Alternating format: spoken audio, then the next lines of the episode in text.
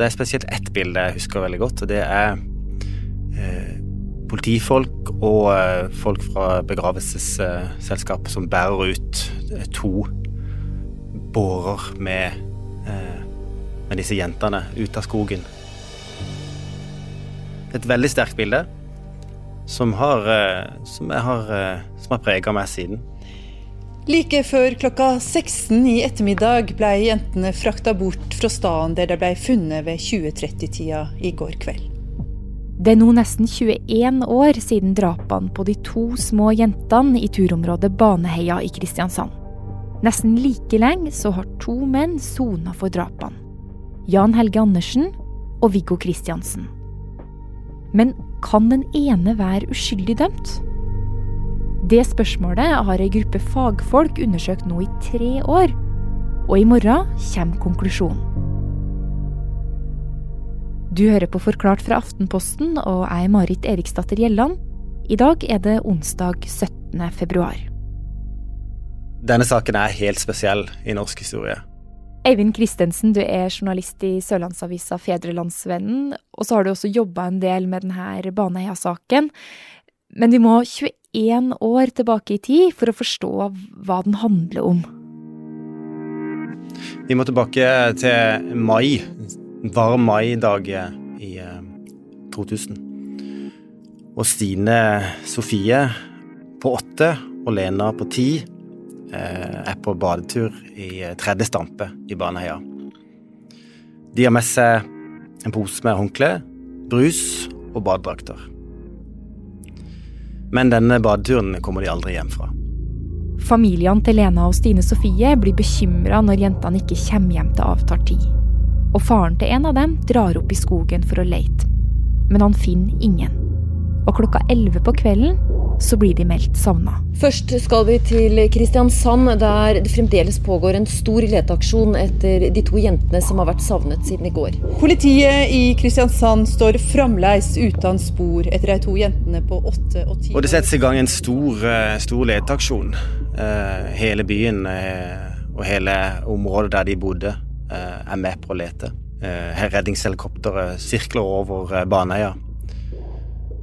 Baneheia er jo et, et, veldig populært sted for kristiansandere. Det er der mange lærer å svømme, det er der mange går på skøyter og går på ski om vinteren. Så hele byen er på en måte med og leter etter disse to jentene. Det er to som ikke er med og leter etter disse jentene, som bor i området. Det er Jan Helge og Viggo. Så går det to dager, og så blir disse jentene funnet gjemt i skogen. De er brutalt drept og voldtatt. God kveld. Denne sendinga er prega av det grufulle dobbeltdrapet i Kristiansand. Det har nå gått snart et døgn siden åtte år gamle Stine Sofie Sørstrønen og ti år gamle Lena Sløgedal Paulsen ble funnet drepne i Baneheia i Kristiansand. Det ble jo nærmest lynsjestemning i, i byen. Eh, veldig press på politiet for å få klart, eh, oppklart denne saken. De sto altså uten gjerningsmann. Så det ble iverksatt en storstilt etterforsking, teknisk og taktisk. Man finkjemma området, og man hadde avhør med en rekke vitner. Ganske tidlig så kom også to gutter i søkelyset. Og det var en mørkhåra gutt med smale øyne, nemlig 19 år gamle Jan Helge Andersen, og kompisen hans 21 år gamle Viggo Kristiansen. Blond og breiskuldra. To gutter som ofte var i Baneheia og leka krig. Nå ble de kalt inn til avhør, men begge hevda at de ikke hadde noe med drapene å gjøre. Månedene gikk, og politiet sto uten drapsmann. Men så skjedde det alle venta på. Kriminalteknikerne til politiet fant et eh, kjønnshår. Et bitte lite kjønnshår på åstedet.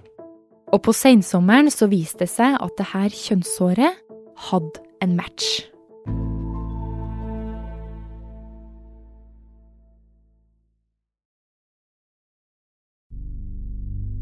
Eivind, nesten fire måneder etter at Stine Sofie og Lena ble funnet drept i Baneheia, så fikk altså politiet et treff. Det her DNA-et fra et kjønnshår på åstedet tilhørte en person de visste av fra før av. Mm. Det var Jan Helge Andersens DNA-profil som matcha med kjønnshåret fra åstedet. Og da ble både Jan Helge og Viggo pågrepet. Jan Helge ble forholdt at politiet hadde biologiske spor mot ham. Han nekta fortsatt, men så spurte politiet om han sjøl kunne være et offer i saken. Og da la han eh, korta på ordet og trakk også inn sin eh, kompis eh, Viggo. Jan Helge sier at Viggo har trua han til å være med å voldta og drepe jentene. Så da blir det også rettssak. Først i tingretten, og så i lagmannsretten. Der mener de at det må ha vært to gjerningsmenn.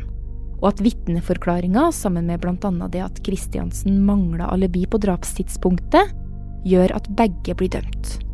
Selv om Viggo hevder at han er uskyldig.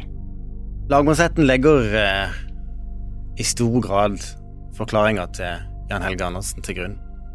Han blir trodd på at disse to gutta lokka Stine Sofie og Lena opp i skogen ved å spørre om de ville se på noen kattunger. Og at de der oppe begikk disse forferdelige handlingene mot disse jentene. Dommen fører til lettelse og innebærer et slags punktum for en lang og vond sak for lokalsamfunnet i Kristiansand. Men eh, det vil gå lang, lang tid før sårene etter drapene har grodd. Hm. Og dommen ble ganske streng òg? Dommen ble kjempestreng. Eh, Jan Helge Andersen han fikk 19 års fengsel, ordinært fengsel. Han fikk strafferabatt for å ha vært med å oppklare saken. For hans forklaring var nettopp det. Helt avgjørende. Viggo Kristiansen ble dømt eh, som hovedmann.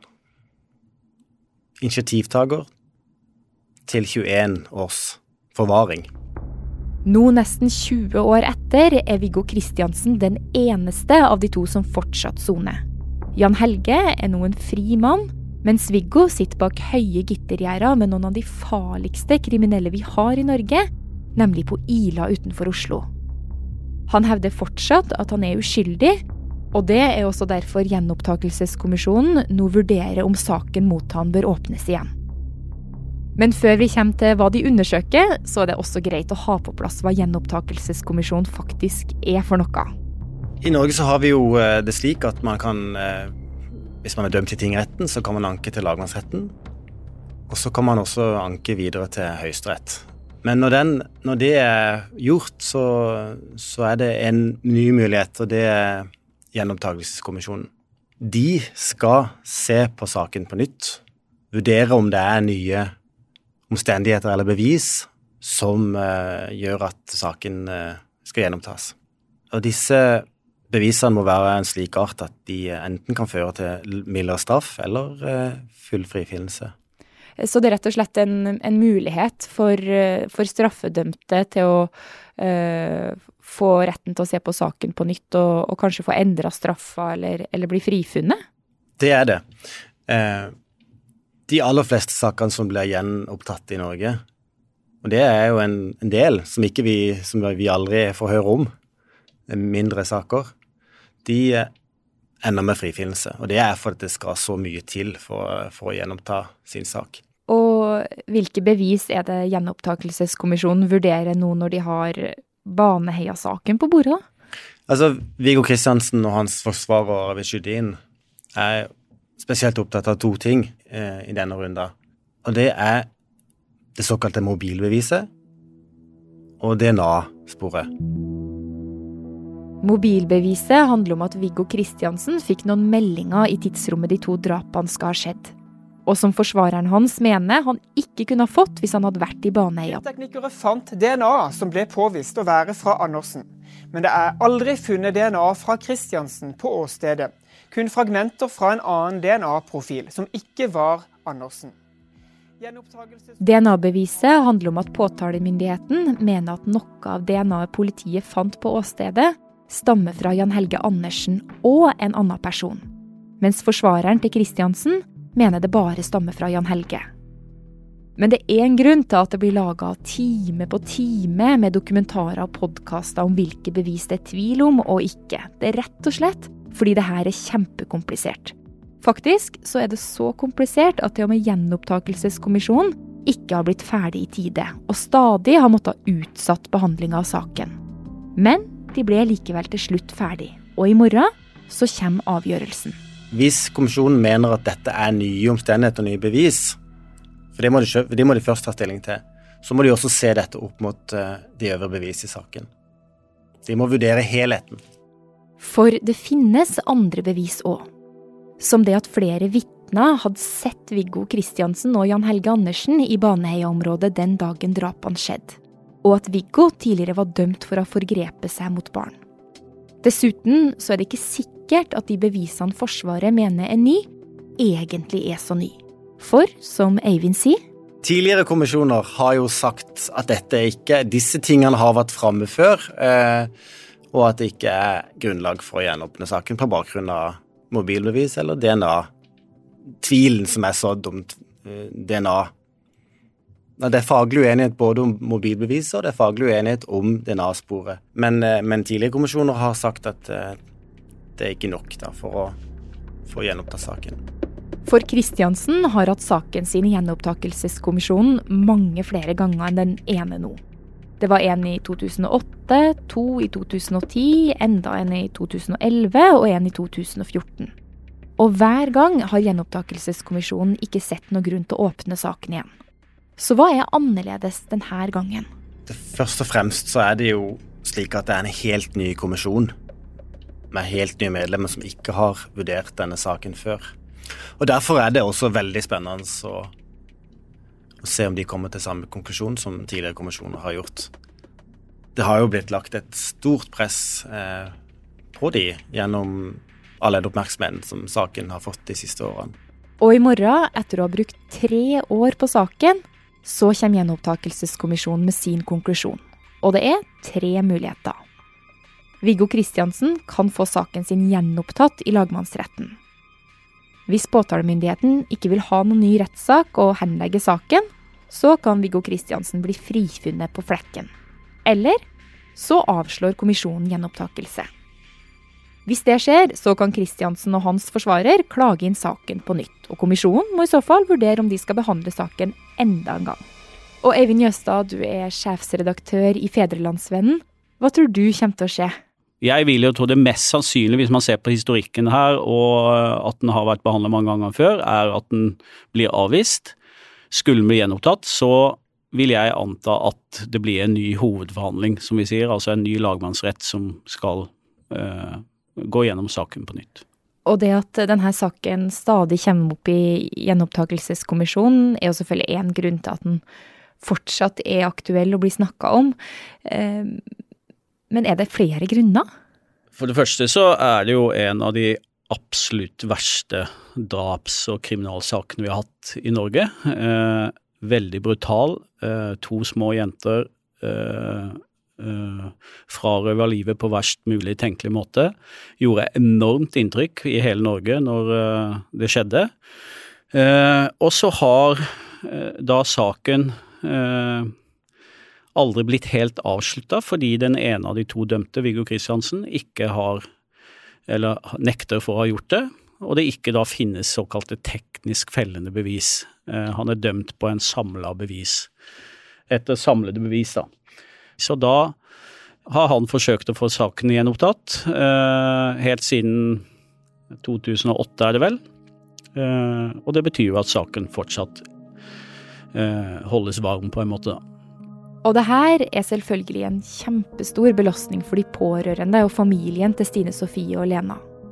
De har tidligere fortalt at de føler at de aldri får fred til å sørge over barna sine. Men Baneheia-saken den har også hatt påvirkning langt utover de aller nærmeste. Altså Baneheia var så stor at den prega hele Norge. Det var ikke Altså hele landet For å bruke en klisjé var i sjokk eh, over at noe sånt kunne skje. Eh, og jeg tror jeg egentlig den fortsatt er sånn at den opptar veldig mange i, i hele Norge. Selvfølgelig mest i Kristiansand, fordi det skjedde her, i populært turområde osv. Men det er det er gått så lang tid nå eh, at det er ikke mitt inntrykk at den saken preger Kristiansand veldig mye i dag. Men hvis den blir gjenopptatt, så eh, eh, vil det bli enormt mye oppmerksomhet, selvfølgelig. Og de siste årene så har det jo kommet flere dokumentarer og podkaster. Altså, hva har det å si da for uh, hvordan saken blir oppfatta blant folk rundt om i landet? Altså For kommisjonen, det er full tillit til at de lar seg ikke påvirke av det. Eh, de eh, tror jeg vurderer dette så iskaldt og upåvirka alt annet som de kan. Eh, for folk som ikke kjenner Baneheia-saken inngående fra den gangen, og har, satt, og har, satt, seg inn i den, så har jo disse dokumentarene tror jeg den effekt at de skaper sympati for Viggo Kristiansen. Og det har jo noe med at den andre siden ikke har bidratt i disse dokumentarene på samme måte. Mm. Hm. Så det former oppfatninga vår av saken? Ja, det kan det jo gjøre. Men nå får vi forhåpentligvis et veldig grundig svar fra kommisjonen på torsdag. De har brukt lang tid. Eh, det er en ny leder der. Jeg, jeg har i hvert fall en forventning om at det er en veldig grundig begrunnelse som kommer nå på torsdag. Den ene eller den andre veien. Og når det svaret kommer, da, så Eh, er det jo flere ting som, skje, eh, som kan skje, som vi snakka om. Men, men, men, tror du vi noen gang blir ferdig med denne saken? Er vanskelig å svare på. Jeg, personlig så tror jeg vi aldri får hele sannheten om Baneheia før en av de to øh, dømte endrer forklaring. En av de øh, er jo nødt til å snakke usant, så hvis en av de endrer forklaring, så får vi kanskje svaret, men det tror jeg dessverre aldri kommer til å skje.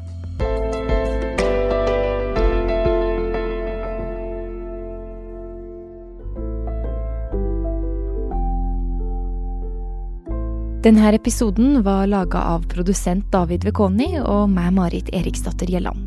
Resten av Forklart er Caroline Fossland, Anne Lindholm og Ina Swan. Du har hørt lyd fra NRK.